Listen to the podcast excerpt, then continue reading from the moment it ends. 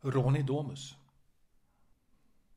När rånarna steg in i Domus visste ingen mer än de själva vad som skulle ske. Och kanske inte ens de visste det. Ty vem kan väl veta något om framtiden? 22-åriga expediten Lilian höll på att hjälpa fru Larsson att pröva en ny höstkappa i poplin.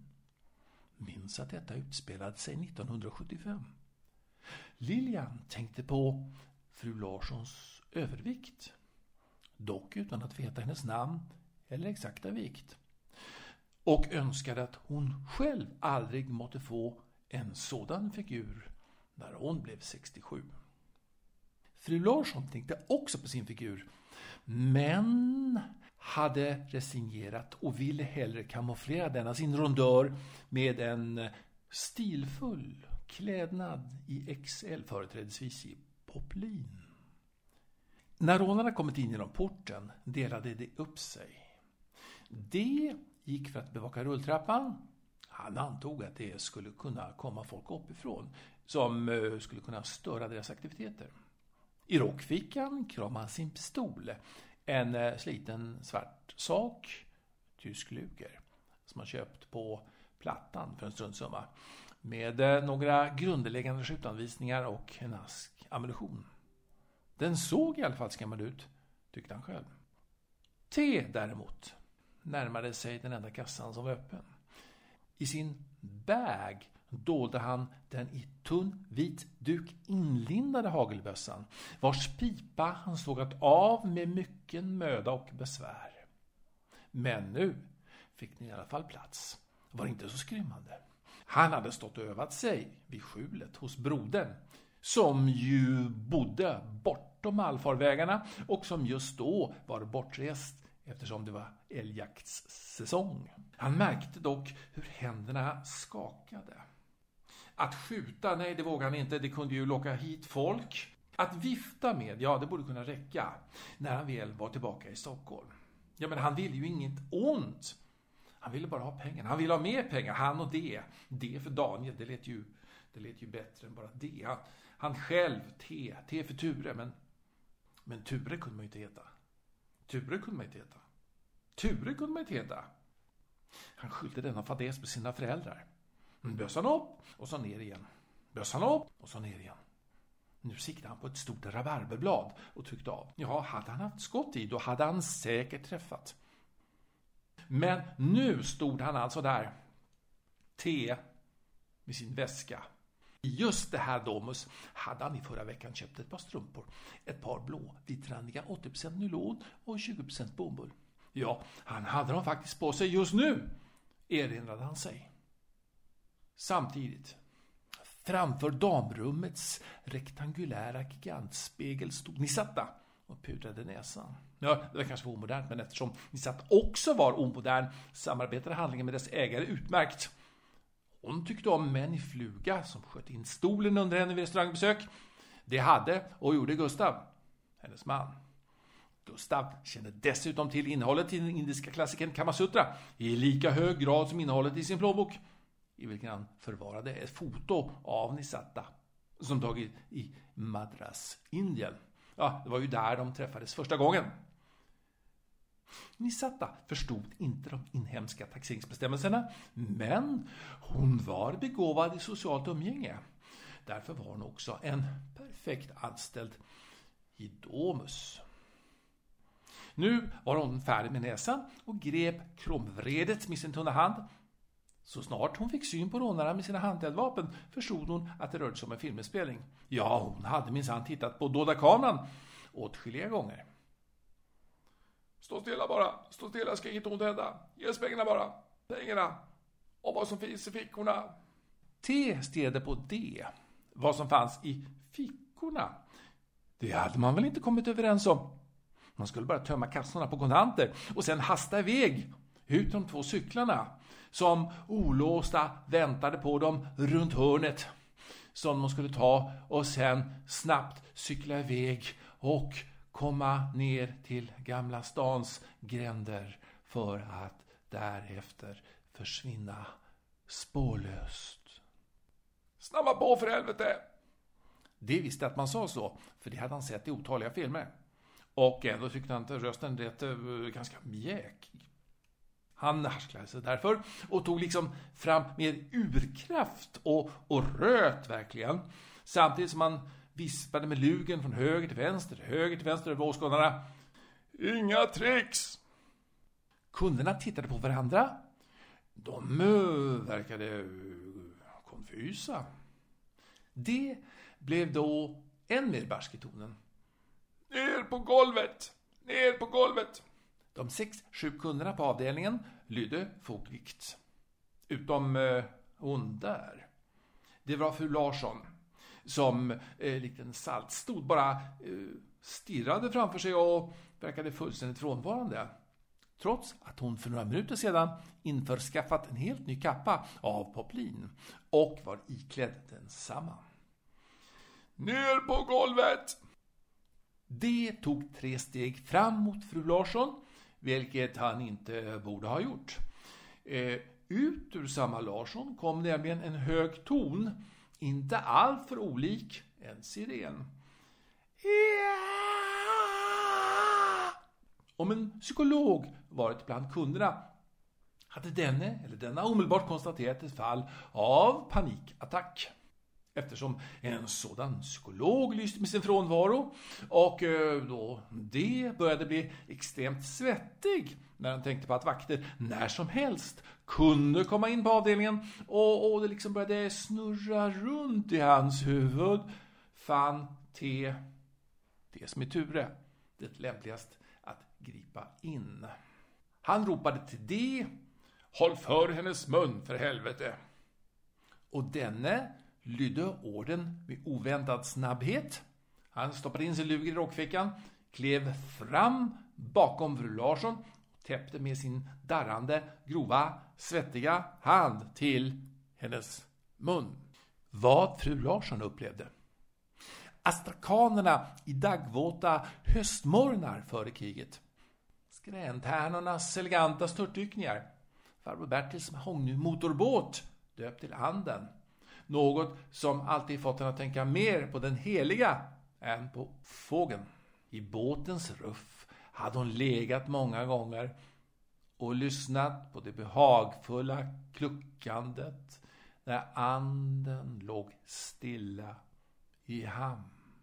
Men nu hade hon en svettig hand över munnen och hon viftade med armarna för att komma loss. Det var dock stark i nyporna och dessutom var själva handlingen att tysta henne också en representation av att han ville tysta sig själv, sitt inre uppror. Därför att den egna paniken gjorde honom yr och illamående. Det kom plötsligt att tänka på pengarna. Pengarna! Pengarna! Pengarna! Med samtliga avdelningsbiträden på golvet var det dock svårt för dem att öppna kassorna, konstaterade T. Därför gick han självraskt över till den närmsta kassan, öppnade den och började rafsa åt sig sedlarna med vänsterhanden. I den högra höll han ju fortfarande det avsågade hagelgeväret. Det var inte så lätt som han trott. Eh, så eh, många utav sedlarna de, de seglade istället väg och ner på golvet utom räckhåll. När T vände sig om igen såg han plötsligt en kvinna komma gående emot honom. Det var Nisatta. Hon stannade mitt framför T utan att blinka. Stanna där du är, ropade T. T för Ture. Nisatta tog dock ytterligare ett steg mot T. Ha! T's ögon vidgades, dock omärkligt för de på golvet liggande kunderna. Han riktade nu bössmynningen direkt mot kvinnan, som hette Nisata. Stanna! Nisata tog ett steg till. Det syntes inte ett spår av rädsla i hennes ögon. Vad var väl den kvinnans mod, annat än den egenskap han själv längtat så mycket efter, men aldrig kunnat frammana utan att ha ett skjutvapen i handen. Nu stod hon alltså där framför honom och sa ha! Du, du, du där, håll dig lugn. En så fånig kommentar till en kvinna som just var alldeles lugn, tänkte T. Idiotisk. Ja, han var en idiot. Lägg dig ner på golvet. Nu! Nissatta log. Ner på golvet annars skjuter jag! T hörde på sin egen röst. Varför kunde han inte istället vara så lugn och så, så modig som den här kvinnan var, va? Han kände sig liten. Han måste göra sig större. Akta så jag inte skjuter. Ner på golvet! Nisatta betraktade honom utan att vika en millimeter. Du, vet du? Jag vet. Nisatta letar efter rätt ord bland alla dem som hon lärt sig på senare tid. Du, du är en bluff. Just det, just det. Du är en bluff. Ture bakom rånarluvan tyckte sig märka hur kvinnans ansiktsmuskler började röra sig mot ett leende och han, han kände då fruktan. Ja, man kan inte använda något annat ord än, än fruktan, ty han märkte hur denna stiliga varelse utan vidare krossade honom som hösten vid sin ankomst krossade en stapplande humla med tidens hammare. Han, han kände en smärta i bröstet. Det var förvisso kärleken.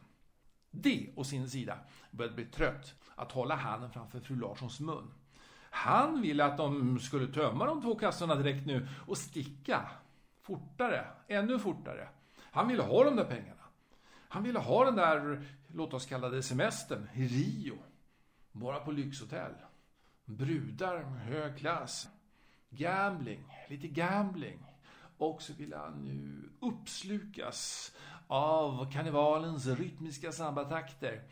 Färgkaskaderna som aldrig ville ta slut. Musiken, allt, allt som han ville ha som inte fanns för honom. Han ville inte stå här inne på Domus och känna sig fånig. D stirrade på den indiska bruden framför T. Hon garvade T rakt i ansiktet. Ni kan sluta nu pojkar, sa Nisatta högt och tydligt. Ni är avslöjade. Hon skrattade. Det var ett ljust och klart och kvittrande och kvillrande skratt som måste göra en människa glad. T tänkte, hon är underbar. I Helsingfors ska vi gifta oss. Han hörde redan klockorna klämta. Men det visade sig vara avdelningens alarmklockor som nu slagits på. De två rånarna, T och D, T för Ture, D för Daniel, visste trots allt mindre om vad världen hade beredskap åt dem än de själva anade. De trodde inte på något annat än att sätta tillfälligheter ur spel med hjälp av andra tillfälligheter. Fru Larsson hade nu svimmat och glidit ner på golvet. Munkavlen behövdes inte mer. D tittade på T, T tittade på Nisatta, som inte tyckte att skådespelarna var speciellt duktiga. Så eh, hon började fnissa. Hennes skratt var oåterkalleligt och, och smittande. Dess hjärtlighet tycktes komma från en plats på andra sidan jordklotet. Långt, långt borta ifrån det domusvaruhus i Sverige där det just nu pågick ett rån. T tittade på henne och började, även han, att skratta. Varför visste han inte, men, men det var ett muskelarbete som kom djupt inifrån något okänt och satte igång mekaniken hos ännu fler muskler. Ts bastanta ölmage började bölja fram och åter i en rytmiskt och stegrande rörelse.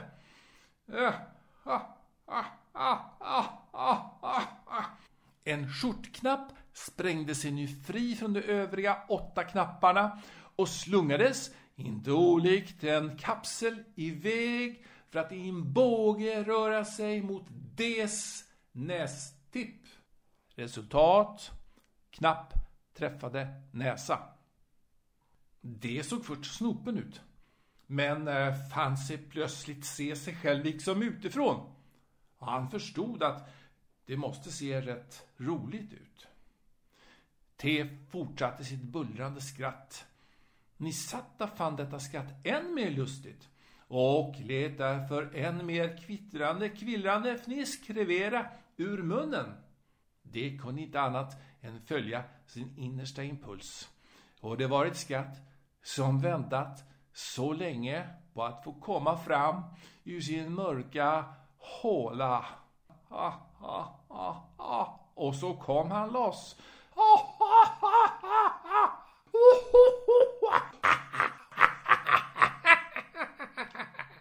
De två rånarna hade nu så svårt att stå upprätt så att de skrattande föll ned på knä som för att be.